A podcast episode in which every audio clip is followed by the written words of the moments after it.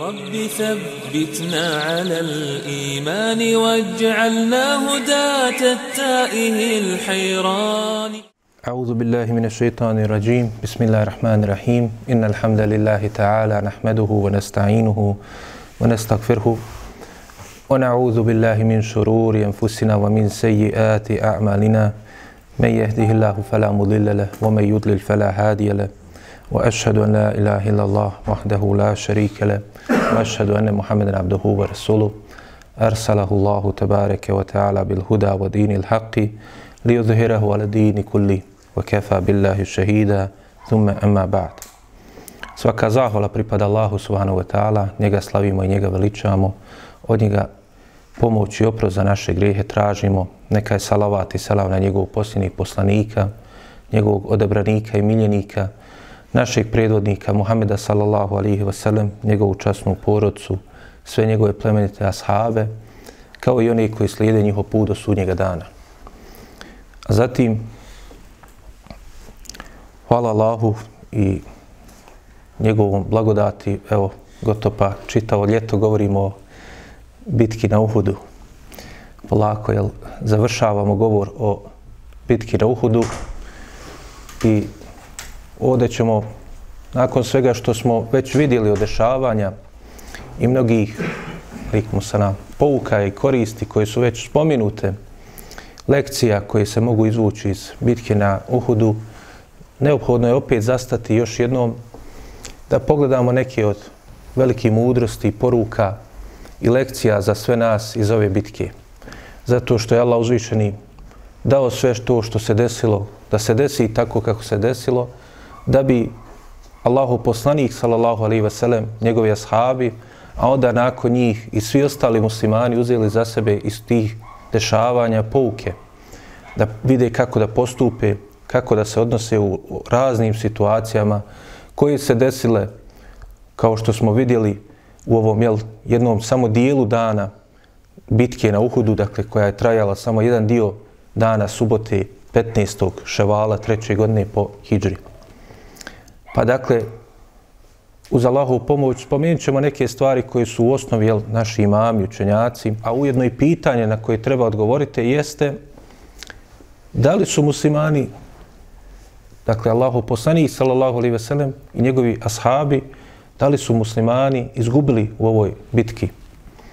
Kao što smo videli iz dešavanja ove bitke, rekli smo moramo je podijeliti na tri faze. Dakle, prva faza, onaj prvi dio, prvi početak same bitke kada su ashabi ostvarili pobjedu. Dakle, po, savladali su prvi napad mušrika, uspjeli su ono što je u simboličkoj e, ravni bilo vrlo važno u tom vremenu, a to je dakle da savladaju one koji su nosili zastavu, barjak e, mušrika, da na kraju ta zastava padne, što je ukazivalo jel, na poraz u tom vremenu, ukazivalo na poraz u samoj borbi. I to su muslimani ostvarili, pokazali velika junaštva i pobjedu. A onda smo videli, nakon što su samo zbog jedne nepokornosti, zbog jedne prekršene naredbe Allahov poslanika, sallallahu alaihi ve sellem, o strani onih strijelaca, onda smo videli da je nakon toga, nakon što su oni sišli sa brda, prekršili naredbu da čuvaju pozadinu muslimanske vojske, da čuvaju da iza brda ne dođe Halid ibn Valid sa svojim konjanicima, onda su muslimani doživjeli od poraza, od nedaće, od gubitka, od velikog musibeta koji je zadesio nakon toga, u kojem su ubijeni mnogi muslimani, mnogi veliki ashabi, u kojem su neki čak i pobjegli sa bojišta, neki se izgubili na njemu, nisu znali kako da postupe, pa čak raširila se lažna vijest da je ubijen Allaho poslanik, sallallahu alaihi ve sellem, i na kraju su neki to čak i povjerovali, i nakon svega toga vidjeli smo dakle, da je ipak Allaho poslanik, sallallahu alaihi ve sellem, i većina, posebno jel, najodabranija sahaba, velika većina njih je dakle ustjela, ustrajala i ostala postojana na bojištu, na poprištu bitke, sačuvala se i na kraju i mušici nisu ništa mogli učiniti. I onda su mušici se povukli. Pa smo videli razgovor Ebu Sufjana sa muslimanima na kraju kada je Omer radijallahu anhu progovorio, kada je on pitao da li je ubijen Allahov poslanik, da li je ubijen Ebu Bekr, da li je ubijen Omer, i kada je dobio odgovor da niko od njih nije ubijen, dakle nisu ostvarili, to je sam taj govor Ebu Sufjana ukazuje da im je to bio cilj.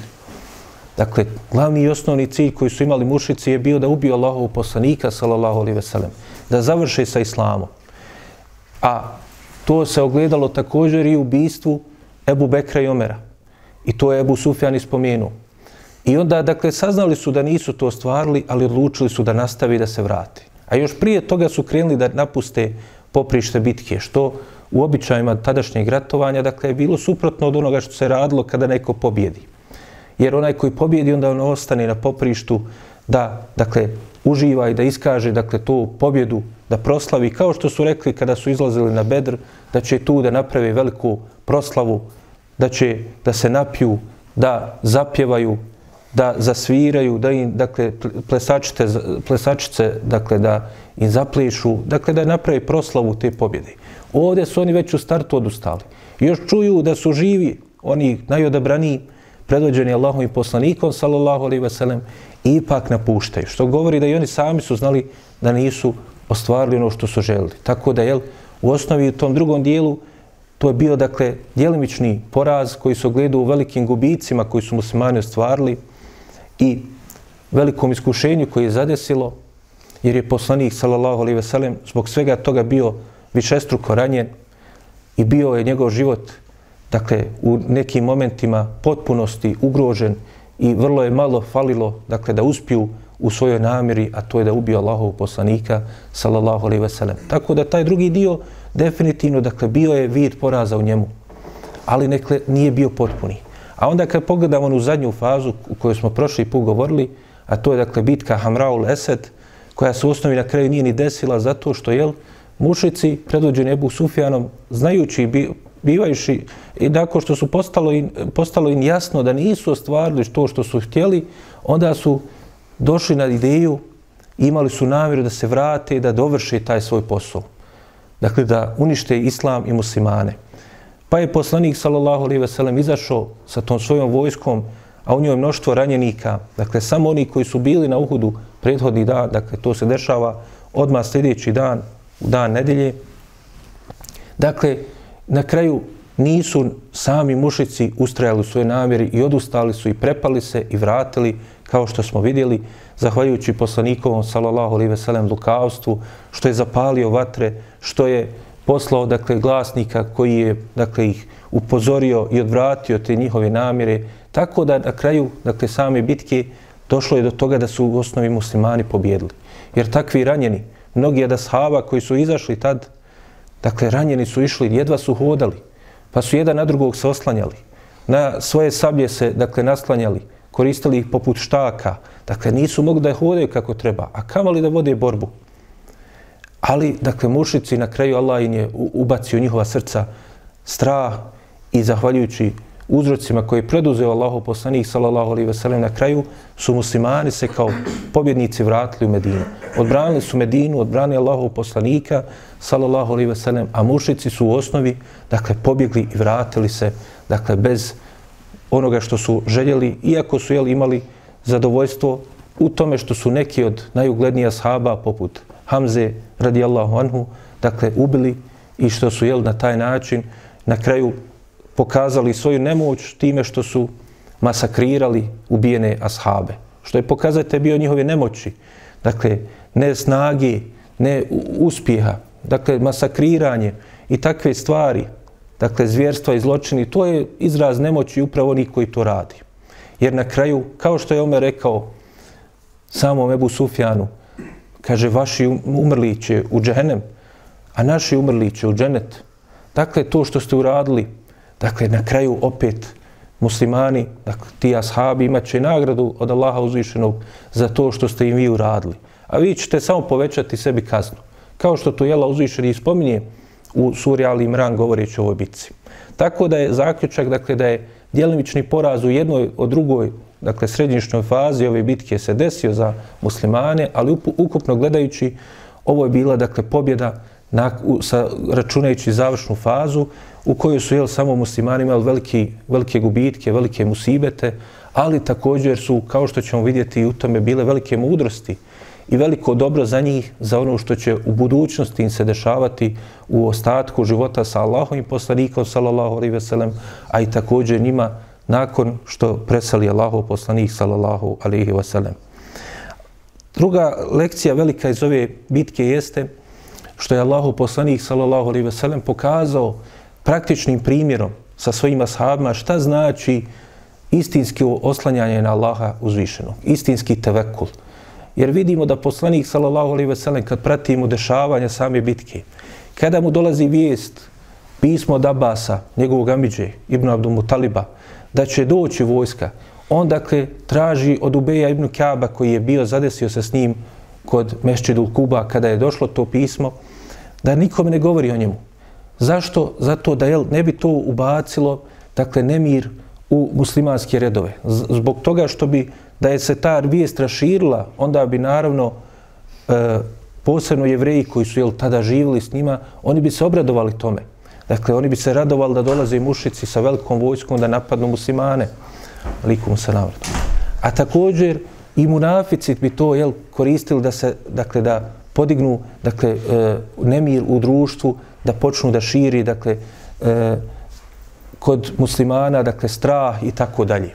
Pa je poslanik, sallallahu alaihi ve sellem, vidimo, jel, preduzeo prvi uzrok.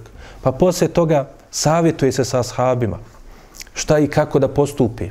Što, jel, također ukazuje kolika je vrijednost, i to je još jedna od lekcija ove bitke, vrijednost šure, zato što je poslanik, sallallahu alaihi ve sellem, se savjetovao sa ashabima. Pa vidjeli smo šta se desilo. Na kraju poslušao je mišljenje većine, ali nam je to i pokazalo da nije uvijek većina u pravu. Jer na kraju većina je pogriješila što je rekla da izađu, a bolje je bilo da su ostali kako su govorili Allaho poslanik, sallallahu alaihi veselem, i najodabraniji ashabi, pa čak i Abdullah ibn Ubej, ibn Salul, predvodnik munafika, ali kao što smo rekli, on je to radio iz svojih razloga, da bi se jel, izbjegao borbu i da bi e, sakrio svoj kukavičluk i svoje skrivene namjere. Pa dakle, tu vidimo jel, da nije se pokazalo da je većina uvijek u pravu, iako su jel, želi da izađu, ali poslanik sallallahu alejhi ve sellem je preduzeo ta uzrok.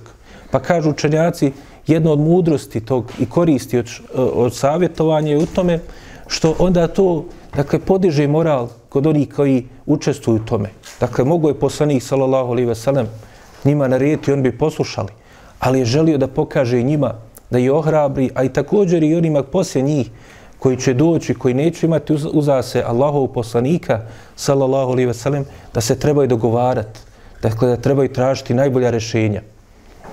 I to je onda podiglo njihov moral. Također, iz tog savjetova je nekada će neko doći sa nekim dakle, mišljenjem koji drugi neće možda znati, pa će onda pomoći jel, da dođu do tog najboljeg rešenja. Razmina mišljenja, jel, tako, dovodi do, tako, do, do toga, dakle, da se dođu do najboljeg rešenja. A ne, dakle, sljepilo, dakle, u pristrasnosti samo svome mišljenju i neuzimanje u obzir drugih mišljenja, onda to čovjeka često dovede da radi u kori svoje štete. I u svome pojedinačnom, dakle, nekom postupanju, u svojem ličnom životu, a tako i u društvenim, dakle, nekim tokovima. Također, treća stvar koju, korist, koju spominju kao korist šure, kažu zato što je to e, također pokazalo, dakle, ashabima, dakle, da su oni važni.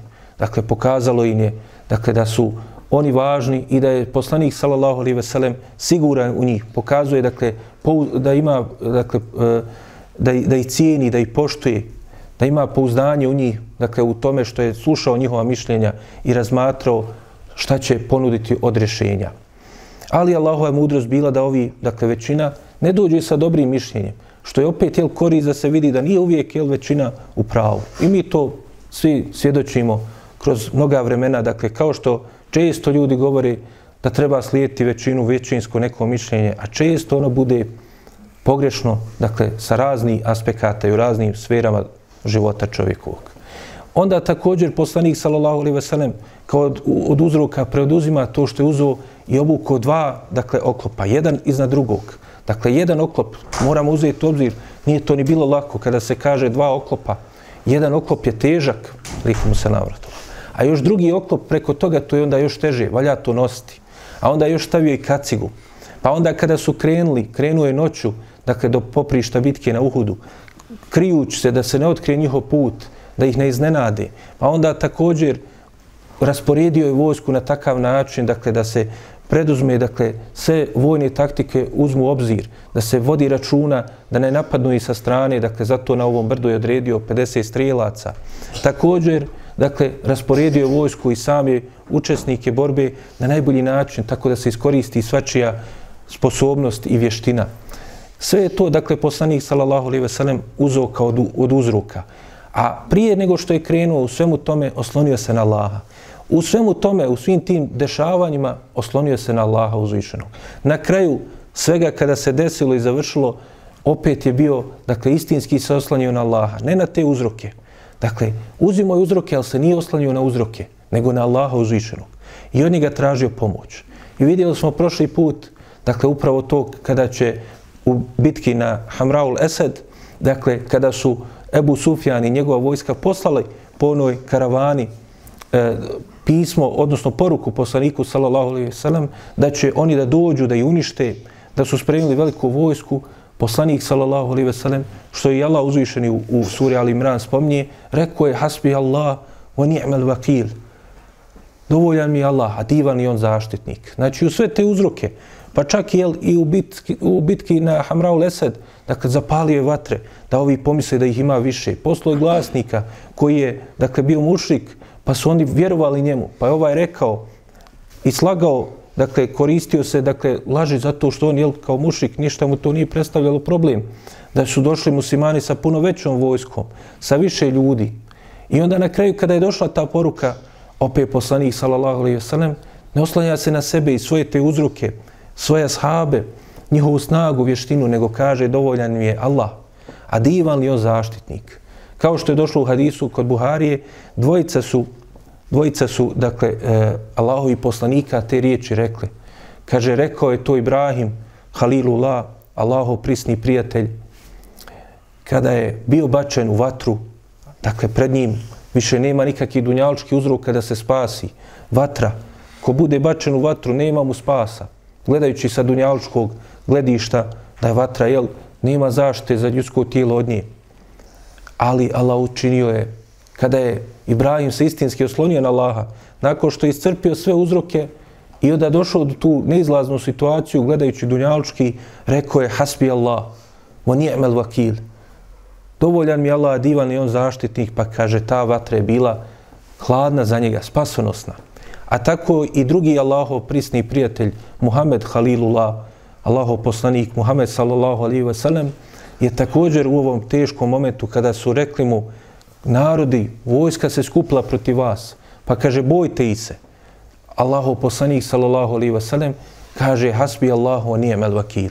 Dakle, to je istinsko oslanjanje. Dakle, istinsko oslanjanje u Allahu i prije dijela i u toku dijela i nakon dijela, ali pred, uz preduzimanje uzroka, ali bez oslanjanja na te uzroke. I to je pokazao nam poslanik sallallahu alaihi wa sellem u ovoj borbi. Također od koristi jeste i kao što vidimo kada je poslanik sallallahu alejhi ve sellem dakle na tom putu u ponoći krenuo do poprišta bitke na Uhudu, dakle da su prošli kroz dakle e, palminjake od jednog od munafika koji dakle je lažno prihvatio islam, bio je slijep, pa čak i uzo, kaže, kada je čuo da ide vojska, pitao ko je, a uzo je onda, kaže, u svoje ruke, kaže, prašine, pijeska, i onda kad su mu rekli da je to Allahov poslanik, sallallahu alaihi wasallam, sa e, svojom vojskom, onda je čak i bacio prašinu i govori, idite. Ali poslanik, sallallahu alaihi wasallam, je ustraju. Dakle, ovaj čovjek pod imenom Mirba ibn Qajzi, dakle, vidimo, dakle, da je pokazao taj svoj munafikluk tu, iskazao ga na jednom praktičnom dakle, dijelu u tako velikoj i važnoj situaciji. Ali, kažu učenjaci, velika korist iz tog događaja što vidimo da poslanik, sallallahu alejhi ve sellem, na praktičnom primjeru pokazuje pravilo koje glasi veliko pravilo, dakle, pravilo koje kaže da je korist društva ispred koristi pojedinca. Jer kažu, kada su oni prošli kroz njegov palminjak, vojska, hiljadu ljudi, dakle, kada je prošla, normalno je i, dakle, neminovno je bilo da su napravili štete, da su uništili nešto, jer je tu imao on plodne zemlje, neki usijeva i tako dalje. Dakle, da su imali štet, da je ovaj čovjek imao štete, dakle, u svojoj svome imanju. Ali kada je bilo dakle, na vagu, kada se stavi korist društva i korist pojedinca, korist društva dakle, ima prednost. Korist zajednice ima prednost nad koristi pojedinca. Dakle, tako je, vidimo da je i poslanik sallallahu alejhi ve sellem sa ovim praktičnim dakle postupkom to pokazao. Kao što ćemo to vidjeti još mnogim drugim situacijama kroz život Allahovog poslanika sallallahu alihi ve sellem. Sljedeća korist koju učenjaci spominju i pouka iz ove lekcije i iz ove e, bitke jeste postupak dakle tih strijelaca. Dakle pogledajmo ove strijelce kojima je Allahov poslanik sallallahu alaihi ve sellem a ovo samo je Allahom odredbom se moglo sve ovako desiti. Ali opet da se pokaže i iskaže velika lekcija za sve one koji će doći poslije. Prije svega za ashabe. Pa kaže, dakle, kada je poslanik, sallallahu alaihi ve sellem, postrojio tu i odredio ti 50 strilaca i odabro Abdullah ibn Đubeira, El Bedrija, da ih predvodi, onda je rekao, kaže, ako vidite da smo pobjedili, nemojte napuštati svoje mjesto dok vam ja ne dadnim, dakle, naređenje, da napustite i da vam ja dozvolim. Čak ako vidite, kaže, da, da nas ptice, kaže, mi na, na poprištu, drugim riječima, jel, svi mrtvi, pa, kaže, ptice došle i komadaju nas, lešinari došli, komadaju naša mrtva tijela, vi ne mrdajte sa tog mjesta koje vam je određeno. Dakle, situacija, što bi rekli, jel, ima li slijepog slijedženja, slijepe, dakle, pokornosti, ima slijepe pokornosti Allahovom poslaniku, sallallahu alaihi ve sellem. Zato što ne naređuje osim dobro. Zato što ne zabranjuje kad nešto naređuje osim zlo. Pa tako i u ovoj situaciji se to praktično videlo. I onda kada su oni, dakle, razišli se u svojem mišljenju, pa kada je Abdullah ibn Džubeir, radijallahu anhu, govorio im, nemojte silaziti, Poslanik sallallahu alejhi ve sellem je zabranio od ovih 50 40 je sišlo i napravilo veliku štetu u samoj borbi. Jer Abdullah ibn Džubeir i ostali, dakle, pali su košeidi braneći tu poziciju, ali tada kada je ostalo 10, nisu mogli kao prije, kao ped, kada je bilo 50, pa se spominje da su dva put veliki napad Halda ibn Velida odbranili, ali ovaj put nisu mogli. I svi su pali kao šehidi, dakle, u pokornosti poslaniku sallallahu alejhi ve sellem ne, ne napuštajući svoje mjesto. A ovi ostali, dakle, iako je u tom momentu izgledao kao da su muslimani već završili sa borbom, jer su mušnici krenuli da bježe sa poprišta bitke, ali još nisu dobili naredbu od Allahovog poslanika sallallahu alaihi ve sellem da to uradi. I desilo se ovo sve što se desilo. Sve ono jel, što se desilo u toj drugoj fazi, povod toga je bila, dakle, samo jedna nepokornost Allahovom poslaniku sallallahu alaihi ve sellem što ukazuje na veličinu pokornosti njemu. Zato ashabi su nam i najbolji primjer, dakle, kako da se postupa. Kao što kažu učenjaci, nije problem da čovjek pogriješi. Ovi su pogriješili, Allah uzvišeni poslije u ajetima govori da je afa anku, to jeste da im je oprostio. Njima je oprošteno. Oni su, dakle, sačuvali se i spasili. Ali zašto? Zato što je njihov, dakle, odnos prema svim tim stvarima bio da kada nešto pogriješi, ne ustrajavaju na grešci, ne pravdaju se, ne brani, nego šta radi? Onda se radi da popravi, uzimaju pouku iz toga, odgajaju se na tim greškama, da ne rade više, ne ustrajavaju na njima. I onda ovi ashabi, dakle, kada su uradili ovako, nasprav naredbe Allahov poslanika, sallallahu alaihi ve sellem, stavili i dali prednost svome mišljenju, dovelo ih ovo do čega je dovelo. Dakle, samo zato što su dali prednost svome mišljenju na jednoj naredbi Allahu poslanika, sallallahu alaihi veselem. Iako je to njihovo razmišljanje osnovi imalo, dakle, imalo smisla, bilo je logično, bilo je razumno. Mušici bježe, muslimani već kupe ratni plijen, pa zašto i oni ne bi kupili? Ali je to bila, dakle, e, kršenje naredbe Allahov poslanika, sallallahu alaihi veselem. I zato pogledajmo samo dva primjera od ashaba, kako su oni ispravili te greške kod sebe. Spominje se kod imama Ahmeda u Musnedu da je Allahov poslanik sallallahu alejhi ve sellem držao hutbu, držao govor u mešćidu. A časni ashab Abdullah ibn Ravaha radijallahu anhu je bio na putu za mešćid. Pa kaže poslanik sallallahu alaihi ve sellem je sa mimbera rekao ashabima sjedite, Abdullah ibn Revaha nalazi se ispred mešćida. Nije još ušao u mešćid. Ali čuje Allahovog poslanika, sallallahu alaihi ve sellem, kako naređuje. Sjedite. Šta radi Abdullah ibn Revaha? Kaže, možda bi ja trebao ući prvo. Na to on misli. Ne odnosi se to na mene. Ne. Nego odmah sjeda. Istog momenta, kad je poslanik, sallallahu alaihi ve sellem, naredio, sjedite, on je sjeo. Ispred mešćida nikog nema. Neko će reći, je li normalan? Ne, on je definitivno normalan. Zato što je on shvatio šta znači i kolika je vrijednost pokornosti Allahovom poslaniku, sallallahu alaihi ve sellem, slijedženje njegovi naredbi.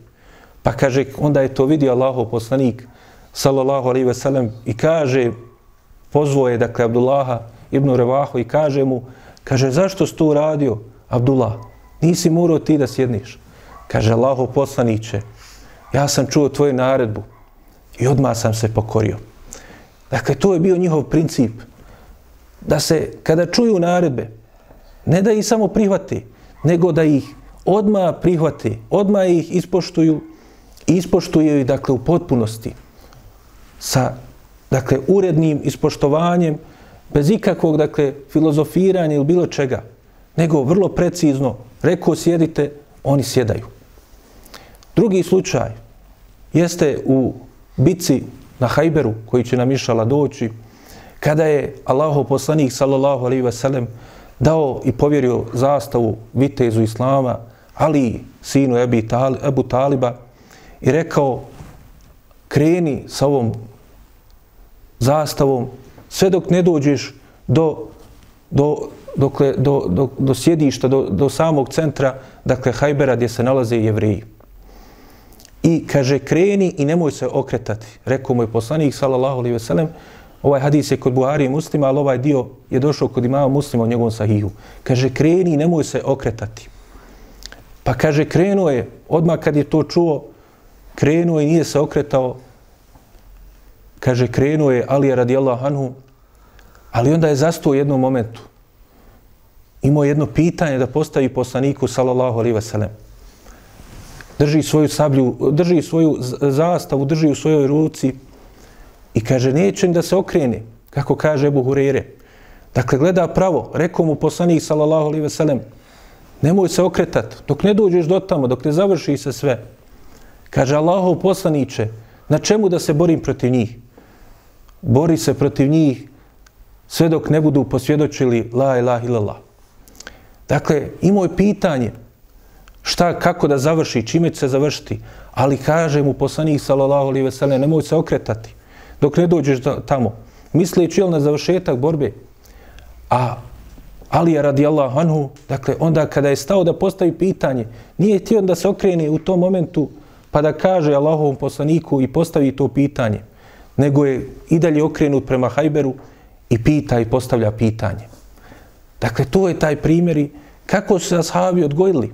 Dakle, da se odmah odazivaju naredbama Allahovog poslanika, sallallahu alaihi sellem, i vrlo precizno, bez ikakvog filozofiranja, bez ikakvog umanjivanja, ili što bi rekli mi, razvodnjavanja, dakle, onoga što je rečeno. Pa kaže, nije to mislilo se tako. To je samo sunet, to mi ne moramo da radimo. Pa kako ću ja to raditi? Pa šta da uradim ovako ili onako? Možda ja ne moram to raditi. To mogu oni raditi tamo koji se nalaze u Mekiji i Medini ovdje mi živimo na nekim drugim vremeni, u drugim vremenima, na drugim prostorima i tako dalje, razna opravdanja. Samo sebi postavi pitanje kako ćeš doći pred Allaha uzvišenog. Da li želiš da tamo isto filozofiraš ili misliš da ćeš moći tamo filozofirati? I da li ćeš žaliti i zbog jednog, dakle, dobrog dijela kojeg si mogu uraditi, a nisi ga uradio? Ashabi Allahov poslanika, sallallahu alihi ve sellem, mnogi od njih dženetin obećan. Ali, dakle, nisu se zavaravali tim dijelima, nego još više radili. Hodali ljudi dženetlije koji su hodali po zemlji, ali još više radili dobri dijela. A od nas niko ne zna kako će sutra osvanuti, a spreman je sebi, jel, naći hiljad opravdanja da ne uradi neko dobro dijelo. Sljedeća stvar koju učenjaci spominju kao korist iz ove bitke jeste upravo, dakle, kada govorimo o tom postupku, dakle, ovih strilaca, opasnost, dakle, da čovjek bude zaveden sa dunjalukom i da dadne njemu prednost nad ahiretom. Allah uzvičen je da zabranjuje nama, dakle, da uzimemo od dunjalka ono što nam treba. Da uzmemo i uživamo u nekim od blagodati dunjalučki. Dakle, ne traži od nas ispostništvo, monaštvo. Ne, koristimo sve što ima na dunjalku. Uživajmo u granicama dozvoljenog, propisanog, u granicama halala. Ali to ne smije da se tome dadne prednost nad ahiretom. I zato Allah uzvišeni, govoreći ovima koji su ovako radili, kaže Minku me yuridu dunja, a minku me yuridu ahire. Neki od vas želi dunjaluk, pa dobit ćete dunjaluk, ali pazite i pripazite se posljedica toga. Pogledajmo šta se desilo i ovima. Želi su dunjaluk, jesu ga dobili? Nisu. Izgubili su, dakle, te što su tijeli stvari od ratnog plijena i tako dalje. Zato što su mnogi od njih onda prouzrokovali i sebi štetu, a i drugima. A ima i oni koji želi ahiret, pa oni će dobiti ono što im treba i od dunjaluka. Ali opet na kraju, na kraju svega, kada budu na onome svijetu samo na moment stavljeni u džehennem, oni koji su najviše uživali, reče da, dakle, nakon što bude samo umočen, dakle, u smislu moment, sekunda, trenutak jedan da provede u džehennemu, onaj koji najviše uživo reče nikada nisam uživao. A onaj koji nakon što je prošao sva najveća iskušenja ovoga svijeta, samo u moment, na moment bude uveden u dženet, umočen u njega, reče kao da nikada nisam imao nikakvo iskušenje. Dakle, jer tu su istinske blagodati za kojima čovjek treba da žudi i teži. I to su jel, pokazali mnogi ashabi i ovoj samoj bitki. Zbog toga je neophodno da čovjek se pazi dunjalka, Poslanik sallallahu alejhi ve sellem i ashabe upozoravao ne bojim se kaže za vas da ćete, da ćete se vratiti u e, džahilijet da ćete ostaviti vjeru al se bojim da će vam se otvoriti dunjaluk pa da se natječete u njemu. Jer se ljudi natječu pa onda jel to prouzrokuje neprijateljstva pa onda ljudi budu spremni uraditi svašta samo da dođu do nečega od dunjaluka. I od bogastava dakle i metka a i također i oni stvari koji su jel, u simboličkoj osnovi u dunja, na Dunjalku, dakle vlasti, e, uticaja i tako dalje. Dakle, ljudi se, vidit ćemo kroz istoriju, razne primjere i među muslimanima, onih koji su upravo zato što nisu to na ispravan način razumili, nisu se odgojili na tome, kao što Allah uzvičeni u ovoj bitki, odgaja sahabe i priprema ih, jer daje odmah nakon bitke na Bedru, da se desi ovako velika bitka odmah sljedeće godine, treće godine po Hidžri, nakon bitke na Bedru koja je bila druge godine, dakle da vide odmah nakon svog velikog uspjeha, dakle da vide da se pripremi, otvorit će se Dunjal, pa sjetite se onoga što se desilo, dakle u momentima kada su na Bedru neki dali prednost Dunjalku nad Ahiretom. A pokornost poslaniku, sallallahu alaihi ve sellem, i ispunjavanje njegovih naredbi i klonjenje njegovih zabrana predstavlja dakle stvari od ahireta. Zato što istinsku nagradu, zato svi će dobiti na onome svijetu. Trajnu, vječnu nagradu u obliku dženeta. Sljedeća stvar koja se spominje i zanimljiv moment iz ove bitke jeste kada je čovjek pod imenom Ebu Ukbe, koji je bio perzijskog porijekla, i bio je štićenik, dakle, kod muslimana, dakle, nije bio od Arapa, bio, dakle, od muslimana, ali, dakle, porijeklo mu je bilo perzijsko. Pa kaže se u hadisu kod imama Ahmed Ebu Davuda, dakle, koji ima svoje slabosti, kao što kaže Šej Albani, dakle, taj hadis je slab, ali, e, dakle, istoričari, biografi Allahov poslanika, sallallahu alaihi ve sellem, ga navode i neki kažu da je dobar. I u osnovi je značenje njegovo ispravno. Dakle, kaže se, da je onda u jednom momentu borbe ovaj Ebu Ukbe rekao jednom u mušika nakon što je u, u sukobu sa njim uspio da ga dakle, savlada, rekao ovo ti je od mladića, od, od perzijskih mladića. To jeste ovo što sam ja pokazao, znači ja sam perzijski mladić, evo ti, pokazao sam svoju vještinu, hrabrost, viteštvo i tako dalje. Pa kaže poslanik sallallahu alejhi ve sellem ga je čuo te riječi i onda mu rekao, kaže, kamo sreće da si rekao, ovo ti je od mladića, od ensarija. Dakle, prigovorio mu je poslanik, sallallahu alaihi veselem, i na ovaj način ga ukorio. Zašto je, dakle, spomenuo svoje dakle, nacionalno porijeklo, svoje, dakle, e, porijeklo da je on perzijanac, da te vještine su vežu za to. Dakle, u ovim najtežim momentima bitke poslanik, sallallahu alaihi veselem, ukazuje na štetnosti i pogrešnost da čovjek, jel, veliča sam sebe zbog svog nacionalnog porijekla, zbog svoje rase, zbog svog nekog društvenog statusa, da stvara jel, takvu neku dakle, pristrasnost naciji, nacionalizmu, rasi.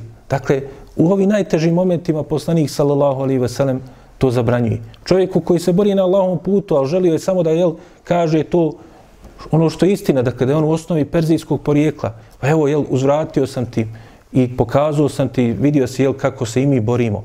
Ali, dakle, ne priliči to muslimanima. A vidimo, jel, posebno u našem vremenu kako je to vrlo se raširilo među muslimanima. Nažalost, jel, od stvari koje u osnovi pripadaju džahilijetu, kako je rekao poslanik sallallahu alaihi ve sellem, dvojice ashaba koji je jedan bio muhađer, jedan ensarija. Pa kada su se nešto razišli u mišljenjima i posvađali, pa je ovaj jedan rekao, kaže, ovo muhađeri, kaže, dođite, pomozite mi, a ovaj rekao, ovo ensarije, dođite, pomozite mi. Pa kaže, poslanik sallallahu alaihi ve sellem, kaže, zar vi da pozivate pozivom džahilijeta ja među vama? Poziv džahilijeta, a ovaj kaže mi muhađiri, a ovaj kaže mi ensarije. Ili dođite muhađiri, dođite ensarije. Dakle, islamski izrazi. Ne, po, ne kaže o dođite kurešije, o dođite e, pripadnici plemena Eus ili Hazreć, nego pri, spominje islamske nazive. Islamski najodabranije, dakle, nazive koji imaju prednost na svim ostalim nazivima.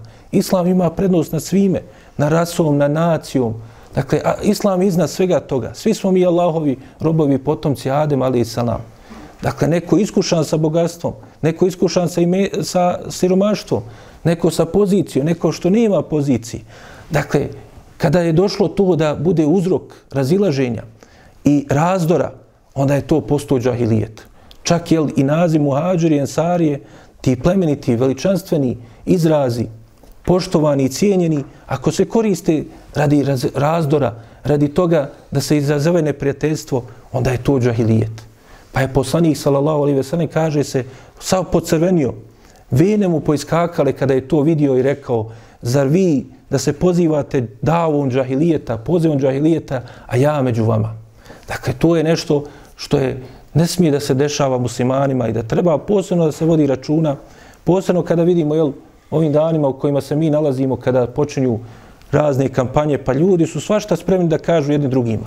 Muslimani od svih problema koji imaju, koliko su spremni jel, jedni na druge da ljagaju, samo da bi se dočepali nešto od dunjalka. Ali kao što kaže Allah, minku me juridu dunja, o minku me juridu lahire. Pa neka se svaki zapita šta želi time, dunjalku ili lahiret. Jer lahiret želi time što će, da kada izazove sukobe među muslimanima, da na takav način jel, pristupa tim pitanjima. A vidimo da poslanik sallallahu alejhi ve sellem u svojim najtežim momentima je vodio računa da ni, nikakvi primjesa toga ne bude kod njegovih ashaba. Sljedeća korist koju spominju učenjaci iz ovoga e, svega što se desilo na Uhudu jeste opasnost, dakle, lažnih, lažnih i neprovjerenih vijesti. I to je ono što je opet je vrlo rašireno i u našem vremenu. I vrlo važno da se zna kako prema tome postupati. Dakle, pogledajmo kako je štetu imala lažna vijest da je ubijen Allahov poslanik, sallallahu alaihi wasallam. To je izazvalo, dakle, veliki, veliki belaj. Neki su počeli da bježe prema Medini, kao što smo spominjali. Neki su pobjegli na Uhud. Neki su spustili svoje sablje i sjeli. Nisu znali šta da radi. Sve zato što su, jel, nakon što su čuli lažnu vijest, kao što smo rekli, pa čak je i šetan, dakle, Iblis na poprištu bitke povikao još glasnije da ljudi još više, dakle, raširi se ta lažna vijest da je ubijen Allahov poslanik, sallallahu alihi sellem. Dakle, to je vrlo opasna stvar. I zbog toga, dakle, sve vijesti općenito, a posebno jel, u naše vrijeme kada imamo, dakle, što kažu, inflaciju, načina kako se šire lažne vijesti i kako se, dakle, dopiru do svakog od nas. Sjedi čovjek u kući mjesecima, možda kao što smo imali jel, vrijeme u ovim prethodnim mjesecima, da vrlo malo se ljudi kretali i družili, ali sjedi i na njegov mobitel mu dolaze svakake vijesti, svakake teorije i onda to on prihvata bez ikakvog razmišljanja.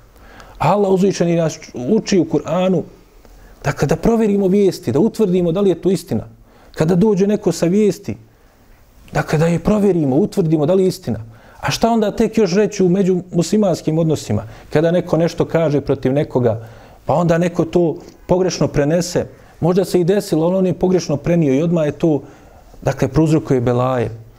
Kakva je kazna za onoga koji je e, činio nemimet, da će biti kažnjavan i na, u kaburu samom, a tek šta ga čeka na onome svijetu, na, dakle, na ahiretu, dakle, kakve prijetnje su došle za takve?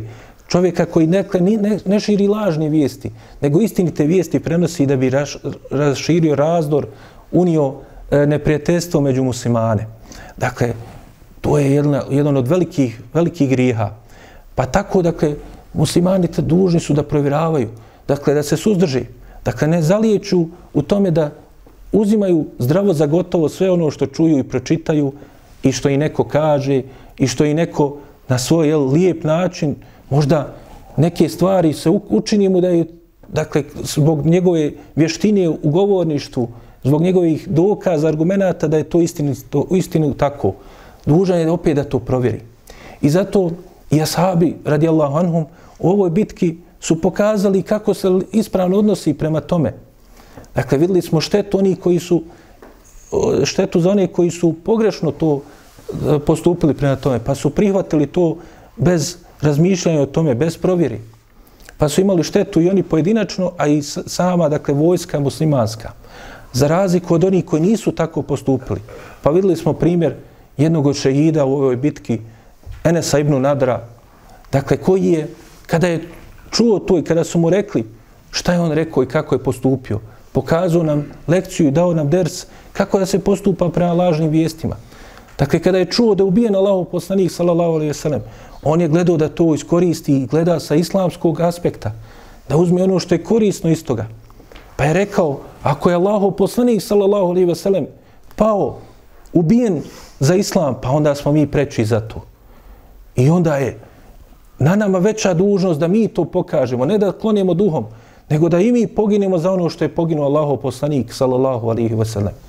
I onda smo videli veličanstveni njegov primjer kako je bez ikakvog oklijevanja na jedan čudnovat način se dao u borbu sve dok nije pao kao šehid imao mnoštvo preko 70 rana na svome tijelu. Dakle, padaju, pa, padajući kao šehid na Allahom putu, dakle i pokazao dakle, da čovjek ne treba da dopusti da te lažne vijesti, da ga učini da kloni dakle, sa puta islama, da skreni, da e, ubaci mu sumnju neku pitanja, neki propisa islamski, nego da ga to postakne da još bude čvršći u izvršavanju onoga što je Allah uzvišen i od njega traži.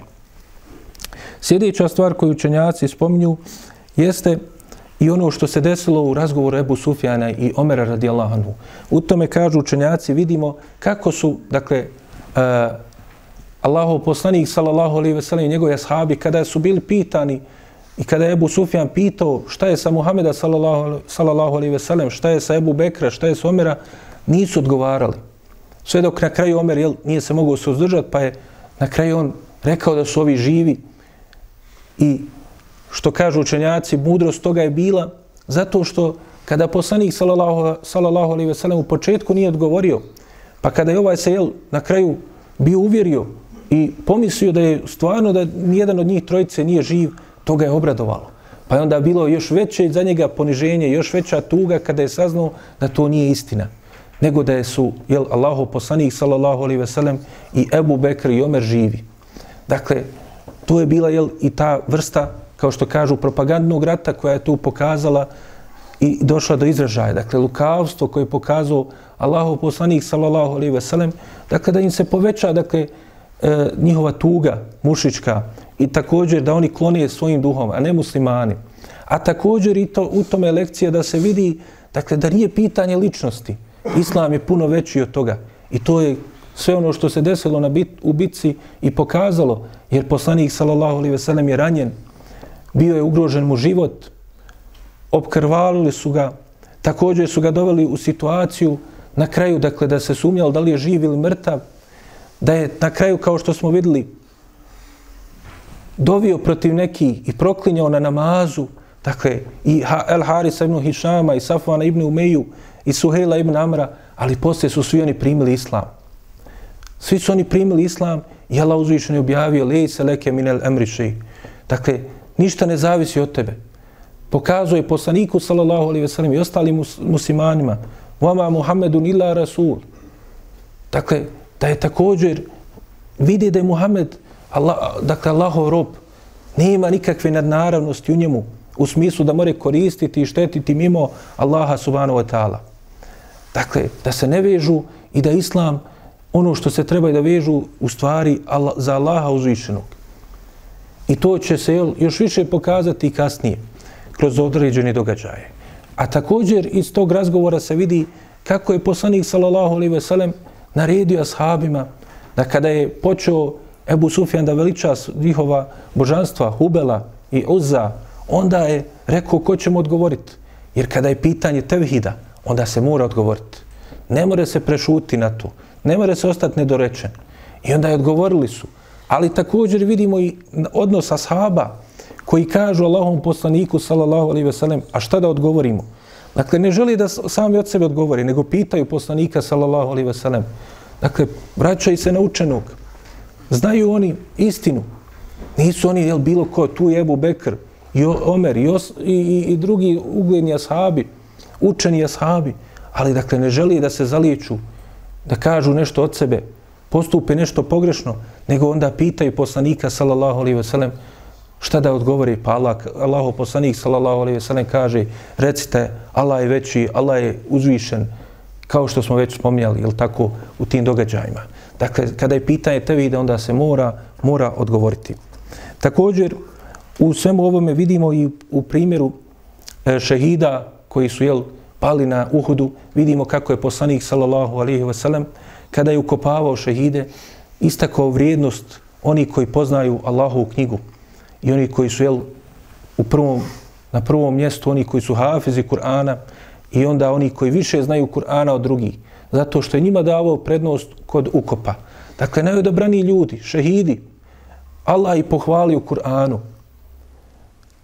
rekao da su oni svi u džennetu, dakle, jedni od najodabranijih šehida, ali nisu ni oni na istom stepenu. Vredniji od njih onaj koji više zna Kur'ana od onoga koji manje zna. Pa dakle, dato je ni prednost tome što ukazuje jel, na važnost izučavanja Allahove knjige, važnost jel, poznavanja i da je to ono što je istinska vrijednost, istinsko, istinsko znanje koje se cijeni kod Allaha subhanahu wa ta'ala. Također od koristi koje se spominju u, iz ove bitke i mudrost iz nje, što je poslanik sallallahu alaihi ve sellem pokazao da je ova borba sa ova bitka koja se vodila, sve borbe koje se vodile i u mekanskom i u medinskom periodu, borba je bila za srca. Nije bila borba da bi se ubili mušici, uništili. I dokaz tome je upravo ova bitka, najbolji pokazatelj. Veličanstveni primjer toga. Zato što svi oni koji su predvodnici ove borbe, koji su nanijeli i do, u, vidjet ćemo i u kasnijem periodu nikad više neće uspjeti ovoliko uspjeha protiv muslimana imati kao što su imali u ovoj bitki. A svi ti koji su predvodnici te borbe bili, svi će kasnije primiti islam. I Ebu Sufjan, i Ikrime ibn Abi Džehl, i Halid ibn Velid, i Suhel ibn Amr, i Safwan ibn Umeje, i Amr ibn Alas. Dakle, i ne samo da će oni primiti islam, i El Haris ibn Hisham, dakle, ne samo da će primiti islam, nego će biti od najodabranijih muslimana. Veliki vojskovođa, Ebu Sufjan, uh, Amr ibn Las, e, uh, Ikrime ibn Abi Džehl, kao što smo već to spomnjali, dakle, to je pokazate da je poslanik sallallahu alejhi ve sellem u svemu što je radio želio da pridobije njihova srca, da oni prihvate islam, da krenu putem istine, a ne da je uništi. Uništeni su bili samo oni zločinci, oni koji su bili zločinci, koji su zlo sijali i koji nisu željeli, uzoholi se, odbili su I zbog toga su skončali onako kako su skončali. Zadnji od njih jel, u ovoj bitki je bio Safvan ibn Umeje. E, je bio e, otac od Safvana ibn Umeje, e, Umeje ibn Halef. Dakle, čak u ovoj bitki ubijen je i otac od Safvana, Umeje ibn Halef. Jedini čovjek koji je ubio Allahov poslanik, sallallahu alaihi ve sellem, u svome životu. Dakle, Zbog čega? Zato što je bio toliki zločinac. I onda, dakle, na tome se videlo kako, je Safvan, sin Umeje, prima islam. Također Ikrime, sin Ebu Džehla, prima islam. I mnogi drugi, dakle, od najgorijih ljudi, najbolji sinovi su bili. Dakle, Allah uzvišen je oživio tako što je oživio njihova srca, pa iz tog mrtvila njihovi očeva izrasli su najveće ličnosti. Zato što su se odgojili pred Allahovim poslanikom, sallallahu alaihi veselem, i zato što je on jel, upravo borio se da pridobije njihova srca i tako postupao u svoj, svim svojim postupcima. Također, u već spomenutom da su muslimani, kao što smo rekli, da nisu doživjeli dakle, u potpunosti poraz, nego samo djelimični u ovom dijelu bitke, treba još tu nadodati da Allah uzvišeni, kada govori o tome u ovim ajetima, koji smo već neki od dijelova ti ajeta ispomenuli, također spominje neki od uzroka poraza u tome. Zašto je došlo do toga? Pa kažu učenjaci same bitke na Uhudu, možemo izvući uzroke pobjede i poraza. Uzroci pobjede, dakle, općenito, kako da se ostvari pobjeda, i u našim pojedinačnim životima i također muslimana kao zajednice ogleda se i može se svesti na dvije osnovne stvari. A to su ihlas, iskrenost Allahu subhanahu wa ta'ala. Iskreno rad radi Allaha uzvišenog. Ne radi svoj interesa. Ne radi interesa neke grupacije, skupine. Ne radi neki dunjalučkih koristi, nego radi Allaha uzvišenog. To je osnovno i prvo. A drugo je bogobojaznost takvaluk. I zato Allah uzvišeni kada spominje u ovoj suri Ali Imran govoreći dakle, da će pomoći sa melecima na, uh, na Bedru videli smo da je pomogao sa hiljadu, a rekli smo ajeti u kojima se spominje 3000 i 5000 meleka, da je to bilo u pogledu Uhuda, ali su bili oni uvjetovani. Pa kada nisu ispunili te uvjete, nisu dobili ni 3000 ni 5000 meleka nego su došli, kao što smo videli, samo da sačuvaju Allahov poslanika, sallallahu alaihi veselem. Neki od njihovih najodabranih meleka, predvođeni Džibrilom, alihi salam. Pa kaže se u tim ajetima, in taspiru wa tetaku, kaže, ako budete osaborili i ako budete se boja, bo, bili bogobojazni. Kao što kažu učenjaci, jel, bogobojaznost, to je naziv za sve ove stvari koje smo spomenuli. Dakle, i sami sabur, strpljivost, se vraća na bogobojaznost. Ako je čovjek istinski bogobojazan, onda će biti ispravno i saburli. Ako bude istinski bogobojazan, ne može biti bogobojazan ako nije pokoran Allahom poslaniku, sallallahu alihi wasallam. Ne može biti bogobojazan ako ne uspostavlja namaz, daje zekat, ispunjava jel, ruknove islama.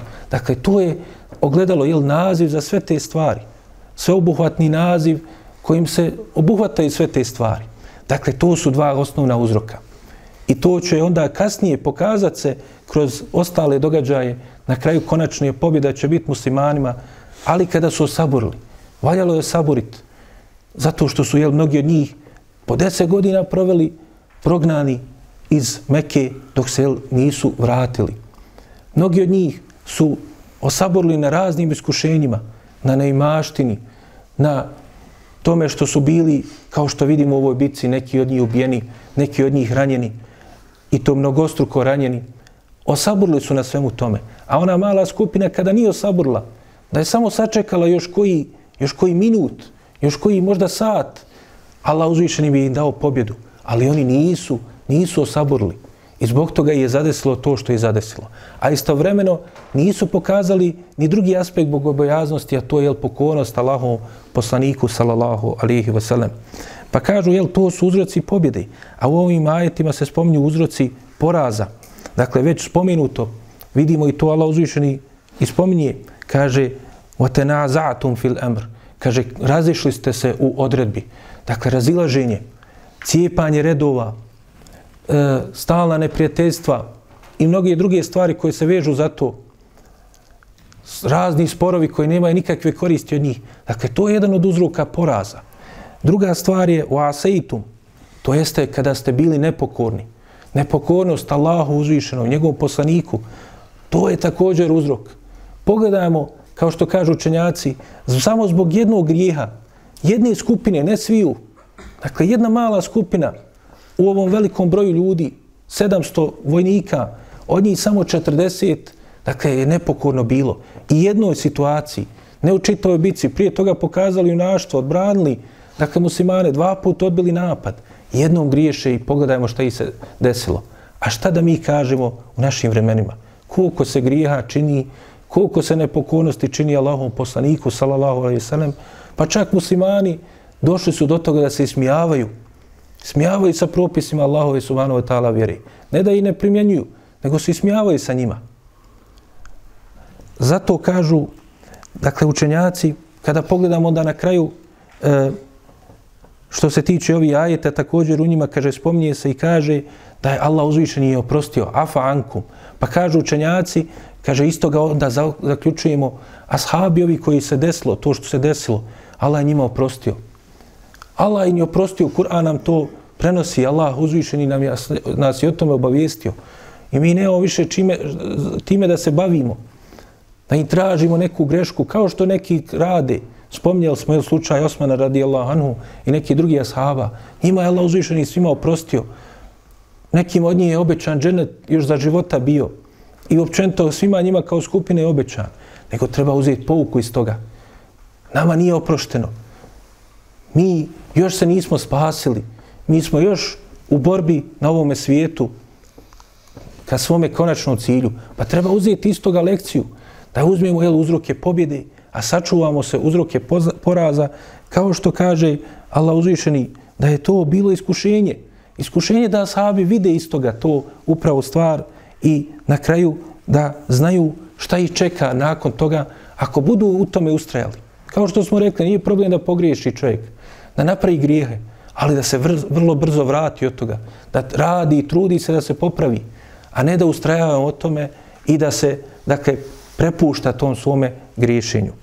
Također kažu učenjaci da to nam na kraju e, poručuje, dakle, to inače između ostalo Ibnul Kajim spominje, kaže da vidimo da je Allah uzvišeni iskušao Allahov poslanika i ashabe. Dakle, nije dao im odmah pobjedu. Nakon Bedra dao im je ovako veliko iskušenje. Dakle, da se ne zanesu svojim pobjedama. Da vide, jel, da se pokaže ko je iskren, a ko nije. A oni koji su iskreni, oni znaju wal akibetu lil muttaqin kao što kaže Allah uzvičeni. Kao što svjedoči to život ashaba i Allahov poslanika. Završnica pripada bogobojaznima. Ali bogobojaznima, ne bilo kome. I onda se jel, istoga, dakle, pokazalo se iz ovoga koji su ti bogobojazni, a koji nisu. Pa zato dalje kaže Ibn Kajim, kaže također, u ovom vidimo i znak, jedan od znakova poslanstva. Poznati razgovor koji će nam išala doći između Herakla i Ebu Sufjana, pa kada Ebu Sufjan pita, kaže imate li ratova između njih, vas i njih? Pa ko pobjeđuje? Kaže nekad mi, nekad oni.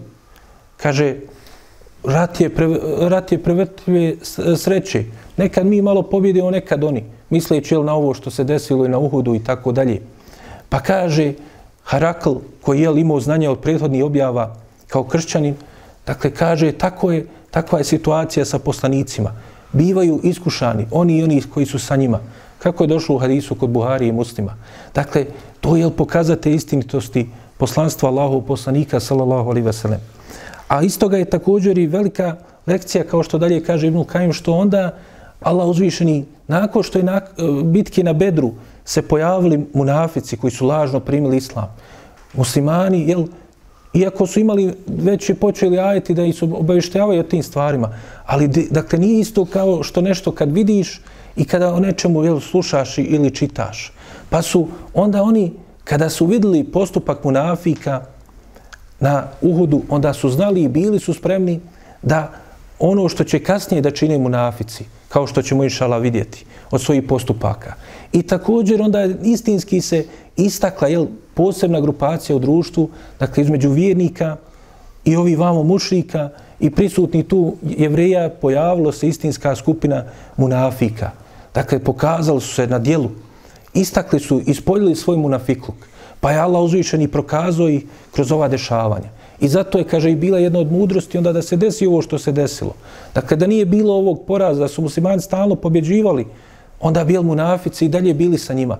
Ali kada su videli veliku prijetnju za sebe, pa još kad su videli djelimični poraz, onda su oni počeli da pričaju, ispoljavaju ono što istinski vjeruju i time da pokazuju jel, svoje pravo lice, što je onda muslimanima olakšalo da ih jel, raspoznaju po tome, da onda budu na oprezu od njih. I također da znaju kakvi su postupci, jel, kako postupaju munafici, kako spletkari, kako rade, jel, protiv muslimana, čak nekad govoreći kao što je Abdullah ibn Ubej ibn Salul, iz nekih njegovih postupaka vidi se da kao da je vanštinom da je govorio da on želi njima dobro, pa hajmo ostati, da ne izlazimo, bolje je za nas, što je na kraju bilo u skladu i sa mišljenja Allahovog poslanika, sallallahu alaihi ve sellem, da ostanu u Medini, da ne idu na Uhud, ali on imao tu skriveni namjeru, da kada to iskoristi, da ostane u svojoj kući, pa onda da poslije možda i pomogne mu, mu, mušicima. Kao što i na kraju kada je tio da izađe na Hamrao Lesed, to uradio zato što je želio opet da na, jel, uradi ono isto što je uradio kada je izašao na Uhud. Pa kada je izašao, jel, onda je u putu vratio dio vojske, što je trebalo da prouzrokuje poraz i slabost i klonije, da muslimani klone duhom i tako dalje. Pa ga je onda u tome, jel, poslanik sallallahu alaihi veselem, nakon što je to pokazao na Uhudu, onda na Hamrau Lesed mu nije dao ni da izađe. Nije dao njegovoj skupini uošte da izađu. Također kažu učenjaci dakle, da je mudrost toga što su muslimani jel, bili iskušani ovim djelimičnim porazom jeste dakle, da se ne zanesu. Čovjek kada mu sve ide lako, onda se on ponese. Musibet i iskušenja su radi Allahove mudrosti. Da čovjek vidi svoju slabost. Kad se čovjek razboli, osjeti bolest i slabost, vidi koliko je nemoćno njegovo tijelo. Može biti najjači čovjek na dunjalku, ali dođe jedna mala, mali, mala bakterija, mali virus i čovjek slab, da li će se izvući živ ili ne, vidi svoju slabost i to treba da ga postakne da se vrati Allahu uzvišeno. Kao što kaže Allah uzvišeni, kella innal insane la jetka arrahu stagna. Kaže, kao što suri Alak spominje, kaže, doista čovjek kada se E, osjeti se objesnim, dakle, snažnim, pretjera, prijeđe granice, kada vidi da je neovisan, kad misli, jel, nikomu ne treba, nikomu ne, ne može ništa, on sam sve to može da riješi. Onaj koji tako se osjeti, kada dobije musibet, neko iskušenje, to je radi njegovog dobra, Allah uzvišen i mu želi dobro. Da ga iskuša, da bi onda on uzeo pouku iz toga i vratio se Allahu subhanahu wa ta'ala. Također, Allah uzvišeni, da nije bilo ovih dešavanja, ne bi onda se iz tako, dakle, i ne bi uzo e, šehide. Da nije bilo svega ovoga, ne bi videli one veličanstvene primjere, dakle, iskrenosti ashaba, njihove požrtovanosti, njihove junaštava. Dakle, Allah uzvišeni sve što daje i od uskušenja, opet to ima neko dobro u njima. Ali pitanje da li će to ljudi prepoznat, da li će to razumjeti, ili će, dakle, kao što je iskušenje, dakle, nekada zna biti da čovjek jel, postane od onih koji imaju loše mišljenje od Allahu. Dakle, da napada, ne, uzub, ne uzubila Allah uzvišeno što ga je iskušao time. A ako saburi, strpi se, uzme pouku iz ovih dešavanja, pogledajmo Allahov poslanika, sallallahu alaihi wasallam, kao što je rekao u jednom momentu, kaže kako će uspjeti i sačuvati se narod koji je raskrvario lice svoga poslanika, oni ih poziva samo da Allaha obožavaju. Poziva je Allah uzvišeno. Pogledajmo kako je poslanik, sallallahu alaihi sellem iskušenja na putu dobra do, doživio. A mi sami koliko imamo grija i koliko smo zaslužili da puno gore stvari nam se desi, ali Allah uzvišen i milostiv i samilostan i olakšava nam i pomaže u mnogim situacijama. Također kažu učenjaci od mudrosti, to će biti zadnje što ćemo spomenuti, kažu nakon svega ovoga što je Allah uzvišeni dakle, E, spomenu u suri, dakle, e, Ali Imran govoreći o ovim dešavanjima i ovim iskušenjima koja su zadesila, rekao je wala تَهِنُوا wala tahzanu, wa الْأَعْلَوْنَ إِنْ in kuntum mu'minin. Kaže, nemojte da klonite duhom, nemojte se tu, e, rastuživati, nemojte biti tužni. Vi ćete biti gornji ako budete vjernici. Dakle, i to se desilo ashabima. Sve to što je zadesilo, pa tek već sljedećeg dana Allah im uzvišeni daje takvi ranjeni, takvi slabi, umorni, uspjevaju da pobjede puno odmorniju, još, još uvijek puno brojniju vojsku mušrika koja nema hrabrost da izađe protiv ti ranjenika na bojište. A da ne govorimo jel, šta je kasnije se desilo u nastavku dakle, života sa poslanikom, sallallahu alaihi veselem, pa čak i nakon toga. I na kraju Allah uzvišen je želio da istakne tu, da pročisti redove, da se pokažu dakle, ta iskrenost ashaba i veličanstveni primjeri hrabrosti njihove. kao što smo ih videli i opisivali. I mnoštvo je tih primjera, zato je ono što je pokazano od junaštava na, na ovaj dan, dan bitke na Uhudu, istorija nikada neće zabilježiti slične primjere. Primjere junaštva Talhe ibn Ubejdulaha, primjere junaštva Enesa ibn Nadra, Zubeira ibn Lawama, primjere junaštva Hamze ibn Abdul Hanzali, Hanzale, El Gasilu Melaike, Ebu Duđane i mnogi drugi. Dakle, ne bi bilo svega toga da Allah uzvišeni nije stavio na ovu kušnju. Ali kao što kažu, na muci se poznaju junaci. I doista su se i poznali. I pokazali su jel, svoje junaštvo ashabi. A također i na muci se pokažu oni koji su jel, izdajnici i varalice, oni koji su neiskreni, kao što su pokazali također jel, i munafici u ovoj bitci u ovim događanjima. Molim Allaha subhanahu wa ta'ala da nas poduči našoj vjeri, da nam poveća ljubav prema Allahu poslaniku sallallahu alaihi ve sellem, da nam se smiluje i oprosti grijehe.